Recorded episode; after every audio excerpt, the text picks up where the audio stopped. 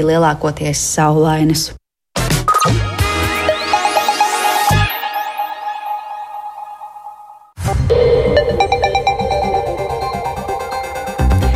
Piecas minūtes pāri 12. un skanējums sāk ziņu raidījums pusdiena. Tajā plašāk skaidrosim šīs dienas 25. māja būtiskākos notikumus. Studijā Dāca Pēkšēna. Labdien! Kā panākt, lai bankas aktīvāk izsniedz kredītus? To šodien premjera Krišjāņa Kariņa no jaunās vienotības vadībā spriež finanšu sektora attīstības padomē. Banku sektora virzienā jau ilgāku laiku ir raidīti pārmetumi par nepietiekami aktīvu kreditēšanu, īpaši uzņēmē darbībā. Vienlaikus gan aktīvāku kreditēšanu sagaida ne uzreiz, bet ekonomikas attīstības posmā, un par to visu vairāk ir gatavs atgādināt kolēģis Jānis Kīncis, kurš šobrīd pievienojas tiešraidē. Sveiks, Jāni! Sveika, Dārts, sveicināti klausītāji. Par, par kreditēšanas problēmām tautsēmniecībā jo īpaši skaļi ir izteikusies Latvijas darba devēja konfederācija, jo Latvijā uzņēmumu kreditēšanas apjoms pēdējos gados ir bijis stagnējošs vai krītošs. Uzņēmumiem izsniegto kredītu apjoms procentuāli pret iekšzemes koproduktu pēdējos gados pakāpeniski, bet stabili ir slīdējis lejup. Un salīdzinājumā kaimiņu valstīs šis rādītājs ir bijis stabils vai augošs, ņemot vērā principu, jo attīstītāka valsts, jo augstāku kredītu slodzi var atļauties tajā strādājošie uzņēmumi. Lūk, kā par uzņēmumu kreditēšanas ainu Latvijā un nepieciešamību to uzlabot, nesen Saimnes tautsemniecības komisijas sēdē izteicās Latvijas darba devēja konfederācijas prezidents Andris Bitte. Mūsu eksporta spēja un ražojošās nozares ir daudz mazākas nekā kaimiņiem. Un, lai mēs viņus noķertu, mums ir jāaug pa 8 līdz 9% gadā, lai mēs noķertu nākošajā desmitgadē Igauniju vai Lietuvu. Jāstāsta, vai tā ir iespējama. Kā biznesam mēs esam nabadzīgi. Līdz ar to, lai mēs kaut kādu uzrāvienu dabūtu ekonomiskajā attīstībā, mums vajadzīga ambicioza rīcība, un tas prasa naudu. Tas prasa kapitālu aizņemt, ja nav pašam sava. Mazā un vidējā biznesa grupā, kurā, protams, protams, ir vesela rinda atrunu, kāpēc mēs viņus vāji finansējam. Tur tā situācija ir vēl švakāka. Un, teiksim, potenciālie eksporta čempioni, kas varētu pēc pieciem, desmit gadiem būt stabili lieli eksportētāji, šobrīd nespēja izrauties no bedres un tikt līdz eh, kapitāla pietiekamībai sava vai aizņemta, lai varētu iet eksporta tirgos. Arī Latvijas bankas prezidents Mārtiņš Kazāks ir vairāk kārt atkārtojis, ka banku kreditēšanas apjomi ir nepietiekami gan uzņēmumiem, gan arī mājasaimniecībām. Tāpēc no banku puses nepieciešamās rīcības būtu palielināt depozītu likmes, samazināt kredītu komisijas maksas, jo pašlaik Latvijā ir dārgi kredīti salīdzinājumā ar Eirozonas vidējiem rādītājiem. Un šie pasākumi kreditēšanas apjomu palielināšanai ir jāplāno paredzot un sagaidot ekonomikas izaugsmas ciklu. Šī ir norāda uz to, ka pašlaik, kad Eiropas centrālās bankas noteikto procentu likmju kāpuma apstākļos kreditēšanas veicināšanai nav tas piemērotākais brīdis, un to kāpumu tādējādi varētu šobrīd vēl nesagaidīt. Un tas būtu iespējams brīdī, kad šīs procentu likmes vairs neaugs vai mazināsies. Un šīs dienas sēdes noslēgumā tad vaicāšu un ceru sadzirdēt, kādus soļus plāno bankas kreditēšanas veicināšanai un kā šajos procesos varētu arī ciešāk iesaistīties finanšu ministrija un valdība. Un jāatgādina arī, ka viens no iepriekš pieminētiem momentiem ir apsvērt tā saucamo banku virspēļņas nodokli, kādu nesen ieviesa Lietuvā, paredzot tādējādi iekasētos līdzekļus izmantot militārās un civilās civilās infrastruktūras dažādiem projektiem. Latvijas Bankas prezidents Mārtiņš Kazāks gan par šādu risinājumu ir piesardzīgs. Tas būtu apsverams scenārijs pēc viņa vārdiem, ja bankas pilnvērtīgāk neiesaistīsies Latvijas ekonomikas veicināšanā, tā izskaitā tad arī kreditēšanas uh, politikā. Un vienlaikus banku virspēļņas, virspēļņas nodokļu ieviešana varētu arī neatsvērt tos ieguvumus tautsēmniecībai, kādi būtu no aktīvākas kreditēšanas. Tā iepriekš izteicies Latvijas Bankas prezidents. Bet nu, par sēdē lemto ceru vairāk pastāstīt programmā pēcpusdienā. Paldies Jānim Kīncim, gaidīsim tavu stāstu. Jā, kā jau tu minēji, redzīmā pēcpusdiena, tas par kreditēšanu un tā, lai tā būtu pēc iespējas aktīvāka. Tikmēr Latvijā plāno atcelt vai grozīt Covid-19 infekcijas izplatības pārvaldības likumu, kas stājās spēkā pirms gandrīz trim gadiem, un šodien par to spriedīs pandēmijas laikā izveidotā vadības grupas sēdē. Jāatgādina, ka Pasaules veselības organizācija ir paziņojusi, ka pandēmija ir beigusies, bet kāda tad pat laban ir situācija, epidemioloģiskā situācija saistībā ar Covid-19 un vai pat tiešām pandēmija ir galā par to interesējās kolēģi Zāne Eniņa, kura pievienojas studijā. Sveika, Zāne! Labdien! Vispirms precizēšu, ka Covid pandēmija Pasaules, or, Pasaules veselības organizācija nav atcēlusi. Ir atcelta globālā ar Covid-19 saistītā veselības ārkārtas situācija. Par to Pasaules veselības organizācijas ģenerāldirektors Tedros Adhanoms Gevrejesus paziņoja 5. maijā. Kaut gan statistiski saslimstība ar covid-19 patiešām ir ievērojami samazinājusies, tā tomēr nav beigusies, un arī mīlestība joprojām turpinās. Latvijā vien pēdējās 14 dienās no covid miruši vairāk nekā 10 cilvēki, un ikdienu tiek fiksēti vidēji 5 laboratoriski apstiprināti saslimšanas gadījumi. Tāda ir slimību profilakses un kontrolas centra statistika. Joprojām notiek arī notekūdeņu monitorings, un tajos vēl ar vienu konstatē vīrusu klātbūtni.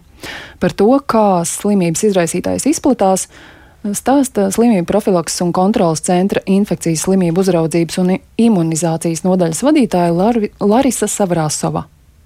Pašreiz, ja pasaulē cirkulē SARS-CoV-2 vīrusa omikrona varianta dažādas apakšlīnijas, un tomēr mēs zinām, ka vīrusu mutācijas turpinās, un līdz kamēr jauna apakšlīnija parādās, tā izraisa saslimstības pieaugumu, un tas apmēram notiek ar tādu, nu, divu, trīs mēnešu intervālu.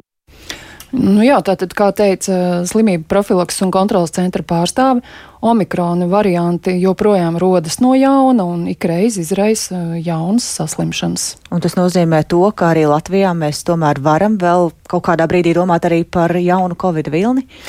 Nu, pēc uh, slimību profilaks un kontrolas centra pārstāvis teiktā, tas tā varētu būt. Jauns omikrona paveids uh, Lat Latviju varētu sasniegt rudenī, un tad arī varētu būt paaugstināta saslimšana. Un arī visas tām no tā izrietošās sekas, kā atkal visi ierobežojumi, maskas un tam līdzīgas lietas. Iespējams, tas droši vien būs atkarīgs no tā, kāda tobrīd būs epidemioloģiskā situācija. Bet tagad gan ir atcelti pilnīgi visi ierobežojumi, arī masku valkāšana medicīnas iestādēs, bet, kā norādīja Larisa Savrasova, ārstniecības iestādes tomēr drīkst noteikt, ka noteiktās nodaļās pacientiem un apmeklētājiem maskas tomēr jāliek. Piemēram, tādās nodaļās, kur ir slimnieki ar eh, pazeminātu imunitāti, teiksim, onkoloģijā vai transplantācijas nodaļās. Un tāpat uh, slimību profilaks un kontrolas centra pārstāve arī atgādināja, ka cilvēkiem, kuriem ir paaugstināts risks saslimt un pēc tam slimot ļoti smagi, joprojām nav ieteicams apmeklēt vērienīgus publiskus sarīkojumus, kādu šovakar, šovasar Latvijā netrūks un tādi jau notiek. Un tāpat joprojām ļoti labi, ja ir saglabāts paradums regulāri mazgāt rokas. Ievērosim šo paradumu un cerams, ka arī pēc visiem šiem pasākumiem joprojām varēsim neatgriezties pie ierobežojumiem. Paldies kolēģei Zanai Eniņai par šo stāstu. Bet mēs turpinām ar kādu priecīgu vēsti, proti dienas laikā ir saziedota nepieciešamā summa sprādzienā Ukrainā smagi cietušajam brīvprātīgajam latviešu karavīram Uldim Volmāram, kurš pērn Ukrainā fronts tūmā sprākstot kāsašu bumbai ieguva smagu skājas vēnu bojājumus. Un par viņu mums Latvijas radio redījumā pēcpusdiena bija plašāks stāsts no eh, speciāla korespondentes Ukrainā Indras Sprānces, un ar viņu šobrīd esam sazinājušies. Sveika, Indra! Atgādini par šo Jā, karavīru. Labdien. Jā, atgādini par šo karavīru un kāpēc viņam bija vajadzīga palīdzība. Jā, tātad Uldis Volmārs ir latviešu brīvprātīgais karavīrs, kas pats izlēma pievienoties Ukrainas karavīriem cīņā pret iebrucēju no Krievijas. Viņš pagājušā gadā bija vairākās vietās Ukrainā un, un diemžēl, vasaras vidū tuvu frontei ieguva tādus nu, bojājumus, kuriem vēlāk izrādījās ļoti bēdīgas sekas viņam pašam, pasliktinoties veselībai. Tas viss ir beidzies sākotnēji, tika noņemta viena kāja, pēc tam otra, un šobrīd viņš atrodas biķernieku stacionārā. Pēc tam, kad, kad nu, es izstāstīju šo stāstu Latvijas radio, bija milzīgi iedzīvotāju interesi un vēlme palīdzēt, un, un tāpēc es arī atvēru šo iespēju ziedot LV, viņam saziedot naudu, kas ir nepieciešama, lai viņš gadu, pir, vismaz pirmo gadu varētu uzturēties pansionātā un arī dažām citām lietām, kas viņam ir vajadzīgas. Un patiešām apbrīnojami ātri ir, ir bijis milzīga iedzīvotāja atsaucība tik īsā laikā saziedot nevienu to, kas viņam ir vajadzīgs. Tātad vakar pēcpusdienā atvērām iespēju ziedot un Un šodien, uz šo brīdi jau ir nepilni 18,000, lūk, to 9,500 eiro vietā. Tātad turpat dubultā um, ir, ir saziedots. Un es arī šorīt sazinājos ar Uldi, un viņš ir ļoti pateicīgs un priecīgs un arī apņēmības pilns strādāt pie savas veselības uzlabošanas, lai jau drīzumā varētu uzsākt arī rehabilitāciju. Jā, nu, tas ir skaudrs stāsts. Vai vispār valsts kaut kā arī var palīdzēt un parūpēties par par šiem brīvprātīgiem karavīriem? Nu, šī pati rehabilitācija, vismaz tas, ko saka nu, ārsti, ar kuriem es runāju, ka viņa viņam būs par velti līdzīgi kā visiem pārējiem Latvijas iedzīvotājiem pienāks. Proti, viņam nav nekāds īpašāks status, viņš nenāk te ar kā, kara traumām, kā karavīrs, bet viņš ir tā kā parastais Latvijas cilvēks. Un es domāju, ka tomēr labi cerēsim, ka mums nebūs vairāk šādu gadījumu. Tomēr mēs zinām, ka Ukrainā karo vairāki uh, Latvijas iedzīvotāji. Un iespējams, ka nākotnē būtu jādomā par kaut kādu speciālu statusu šiem cilvēkiem un par kaut kādu atbalsta mehānismu, jo tās ir karā iegūtas uh, traumas, kuras, ar kurām, uh, nu, vismaz kā šajā gadījumā, būs jādzīvo šim cilvēkam visu mūžu. Tev ir kāda informācija par to, cik varētu būt šādi cilvēki, kuriem ir vajadzīga palīdzība vēl arī? Uh, Ne, to es, es ceru, ka nebūs nevienam vajadzīga, bet es zinu, ka šī gada laikā vismaz tie, kas ir apzināti, ir kaut kādi 17, 18 cilvēki, kas īsāku vai garāku laiku periodu vai joprojām, daļa no viņiem joprojām atrodas Ukrainā, daļa no viņiem ir patiešām frontes pirmajās līnijās un karo plecu pie pleca ar Ukraiņiem. Ļoti ceru, ka nevienam no viņiem nevajadzēs atbalstu, bet ir jārēķinās jau šāda situā ka šādas uh, situācijas var būt. Paldies kolēģei Indrai Sprāncei, kura ziņoja mums no Ukrainas un runājam par to, ka diennakts laikā ir saziedota nepieciešamā summa sprādzienā Ukrainā smagi cietušajam brīvprātīgajam latviešu karavīram, par ko ziņojām arī iepriekš raidījumā pēcpusdienu. Savukārt runājot par situāciju uz Latvijas un Baltkrievijas robežas, lai gan pēdējā laikā nelikumīgo robežu šķērsotāju skaits ir palielinājies no mūsu puses, drošība izskatoties pietiekami labi. Tā šorīt kolēģiem Dairai Zīlei un Kristapam Feldmanim programmā Labrīt sacīja Saimas Nacionālās drošības komisijas priekšsēdētājs Jānis Dombrava no Nacionālās apvienības tā situācija izskatās no mūsu puses pietiekami labi. Protams, ir šis hibrīd karš, bet eh, mūsu robežu žoks izskatās labi dienesti, kuri strādā uz robežām, izskatās labi, kamēr Baltkrievijas puse izskatās ļoti bēdīgi. Nu, es varētu tā raksturot šo situāciju. Pilnīgi divas dažādas civilizācijas. Bet žoks bija ļoti apspriests jautājums. Lietuva, Polija, mēs redzam, viņi būvē ļoti pamatīgu žogu. Mums žoks ir ļoti pamatīgs. Nav Jā. salīdzināms varbūt ar poliju žogu pēc konstrukcijas, bet uh, tehniskie risinājumi es arī biju ļoti skeptisks mm. kopumā. Bet, ziniet, nu, esmu pietiekami gara auguma. Nu, ja es aizbraucu un es skatos, ka šis žoks ir tiešām ievērojama augstuma ar eh, ne tikai koncentrīnu augšpus žoga, bet arī priekšā žogam koncentrīnu līnija, kas iet. Eh, tāpat arī ir paredzēti dažādi tehniskie risinājumi, lai detektētu. Mēs redzam, ka pat Amerikas Savienotajās valstīs, kur ir uzcelts ļoti augsts žoks ar Meksiku, tāpat atrodas cilvēki, kas atnes kādas ļoti garas trepas un eh, tiek pāri žogam. Skaidrs, ka tas ir iespējams, bet tāpēc ir dažādi arī tehniskie risinājumi, lai uzreiz tiktu konstatēts šis pārkāpums un nekavējoties dienesti var atbraukt. Un es domāju, ka mums būs Eiropā noteikti viens no modernākajām robežu joslām tieši uz Baltkrievijas. Bet robežas. tieši pats žoga izbūves process, cik vēl daudz darba ir atlicis, lai varētu teikt, ka ir pabeigts? Par izbūves ātrumu es neesmu apmierināts, teikšu atklāti. Es domāju, ka šim procesam vajadzētu notikt straujāk. Mēs arī paši pārunājām dažādas arī tehniskās nianses, kas ir piemēram saistīts ar mērnieku tādu izultinātību kur darbs, ko varētu paveikt trīs dienās, mērnieki veic trīs mēnešus, jo viņiem nauda tur ļoti smuka nāk. Nu, tās ir lietas, kas būtu jāmaina. Visā šajā procesā, ja nevar privātais sektors tikt ar to galā, tad varbūt valstī ir jāpārņem šādas funkcijas. Bet žoga izbūve ir pilnveidojusies daļēji. Ir eh, turpmākā gada laikā no šī brīža vēl pietiekami daudz jāizdara. It īpaši tādos grūtāk pieejamos posmos, kur ir ļoti problemātiski ar augsni, bet eh, nu, procesi iet uz priekšu. Varētu ātrāk iet. Bet kopumā robežsardzei palīdzīgā nav jānāk. Nu, robežsardzei visu šo periodu nāk palīdzīgā gan zemesardze, gan valsts policija, gan Ar arī vēl- resursiem pietiek. Šobrīd jā, šobrīd jā. Ja vajag, tad arī valsts ir gatava uzreiz palielināt, ja ir nepieciešamība. Piemēram, ja vairāk tūkstoši nāk pie mūsu robežas. Tā Jānis Dombrava no Nacionālās apvienības un jāpiebilst, ka arī runājot par nākamajā nedēļā gaidāmajām prezidenta vēlēšanām, tad viņš sacīja, ka mums nedraudzīgas valstis, protams, seko līdz arī šādiem notikumiem, taču tiešā veidā mēģinājumi ietekmēt vēlēšanu procesu nesot novēroti.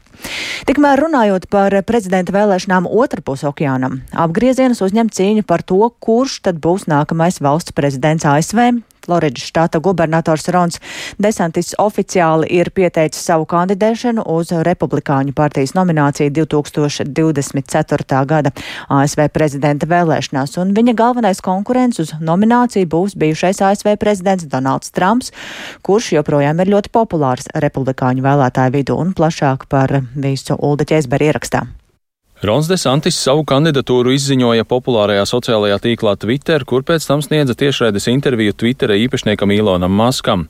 Taču viņa kandidatūras izziņošanu aizkavēja tehniskas problēmas, jo Twitter tiešraidē bija pieslēdzies pārāk liels skaits lietotāju.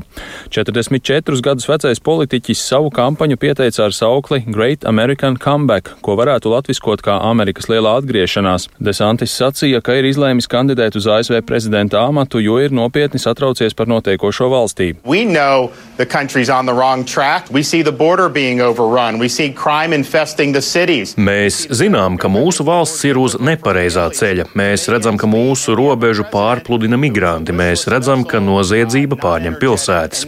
Mēs redzam, ka federālās valdības politika apgrūtina ģimeņu iztikšanu. Un mums ir apātisks prezidents, kuram nav enerģijas un kurš nerisina mūsu valsts galvenās problēmas. Taču tam tā nav jābūt. Mūsu valsts pagrimums nav neizbēgams. Tā ir izvēle, un es domāju, ka mēs varam izvēlēties labāku ceļu. Tāpēc es palīdzēšu atjaunot normālu dzīvi mūsu kopienās, mūsu iestāžu integritāti un veselo saprātu mūsu sabiedrībā.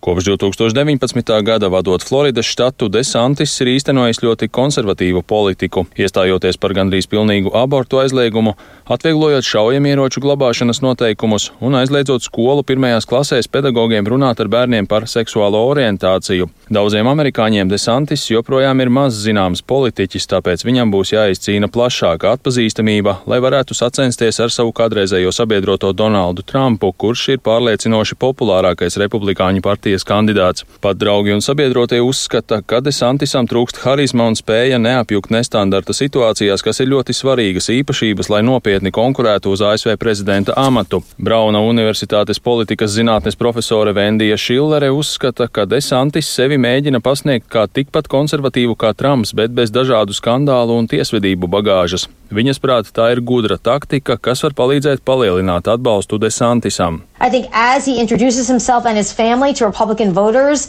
I do think his poll numbers will rise. Es domāju, ka iepazīstinot republikāņu vēlētājus ar sevi un savu ģimeni, viņa popularitāte aptaujās pieaugs. Un ja viņam būs labi priekšvēlēšanu kampaņas padomnieki, kuros viņš ieklausīsies, un ja viņš parādīs, ka ir gatavs cīnīties par nomināciju un sacensties aci pret aci ar Trumpu, tad es redzu iespēju, ka Desantis varētu atņemt Trumpam daļu no viņa bāzes vēlētājiem. Viņš varētu būt pievilcīgāks tiem republikāņiem, kuri vēlas čempionu Donalda Trumpa veidolā, bet bez Donalda Trumpa pagātnes bagāžas. Pēdējās republikāņu vēlētāju aptaujās Desantis atpalika no Trumpa par 30% punktiem.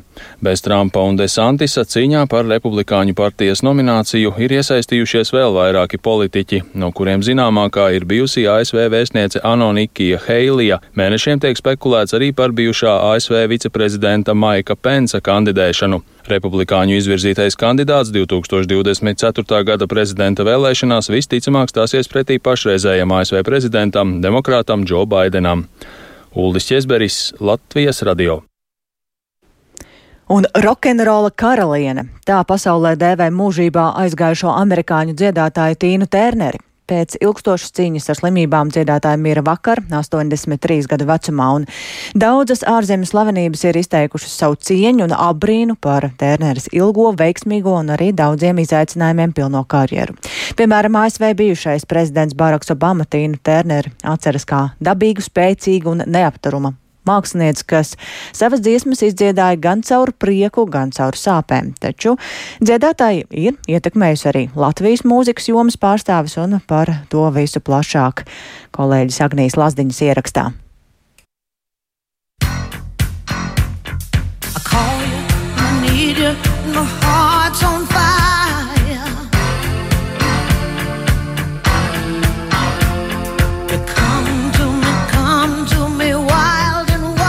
Dziedātāja Tīna Tērnere savu karjeru uzsāka pagājušā gada gadsimta 60. gados, būdama spilgta dienvidu saules stila pārstāve, ar savu emocionāli raupjo dziedājumu kļuva par vienu no pirmajām sievietēm roka vokālās tradīcijas pamatlicējām. Domājot par Tīnas Tērneres atstāto mantojumu sabiedrībai, radio SVH valdes priekšsēdētājs Jānis Šipkēvits uzdot jautājumu, cik daudz ir zināmi mākslinieki, kuriem dzīviem esot, tiek veidota biogrāfiska aktieru filma Holivudā, par kuriem rāda mūziklus Brodvejā un Londonas Vestendā. Es domāju, arī vārds Tīna lielā mērā ir uh, cilvēkiem tieši vai netieši kaut kādā veidā saistījies ar spēcīgas sievietes izlaušanos dzīvē, ar savu talantu pierādīšanu un uh, iziešanu, kā saka, caur uguni un ūdeni, caur rēkšķiem uz uh, zvaigznēm. Klausītāji vienmēr novērtēja arī dziedātājas spēcīgo balsi, enerģiju un spēju azartiski turpināt savu karjeru ilgus gadus.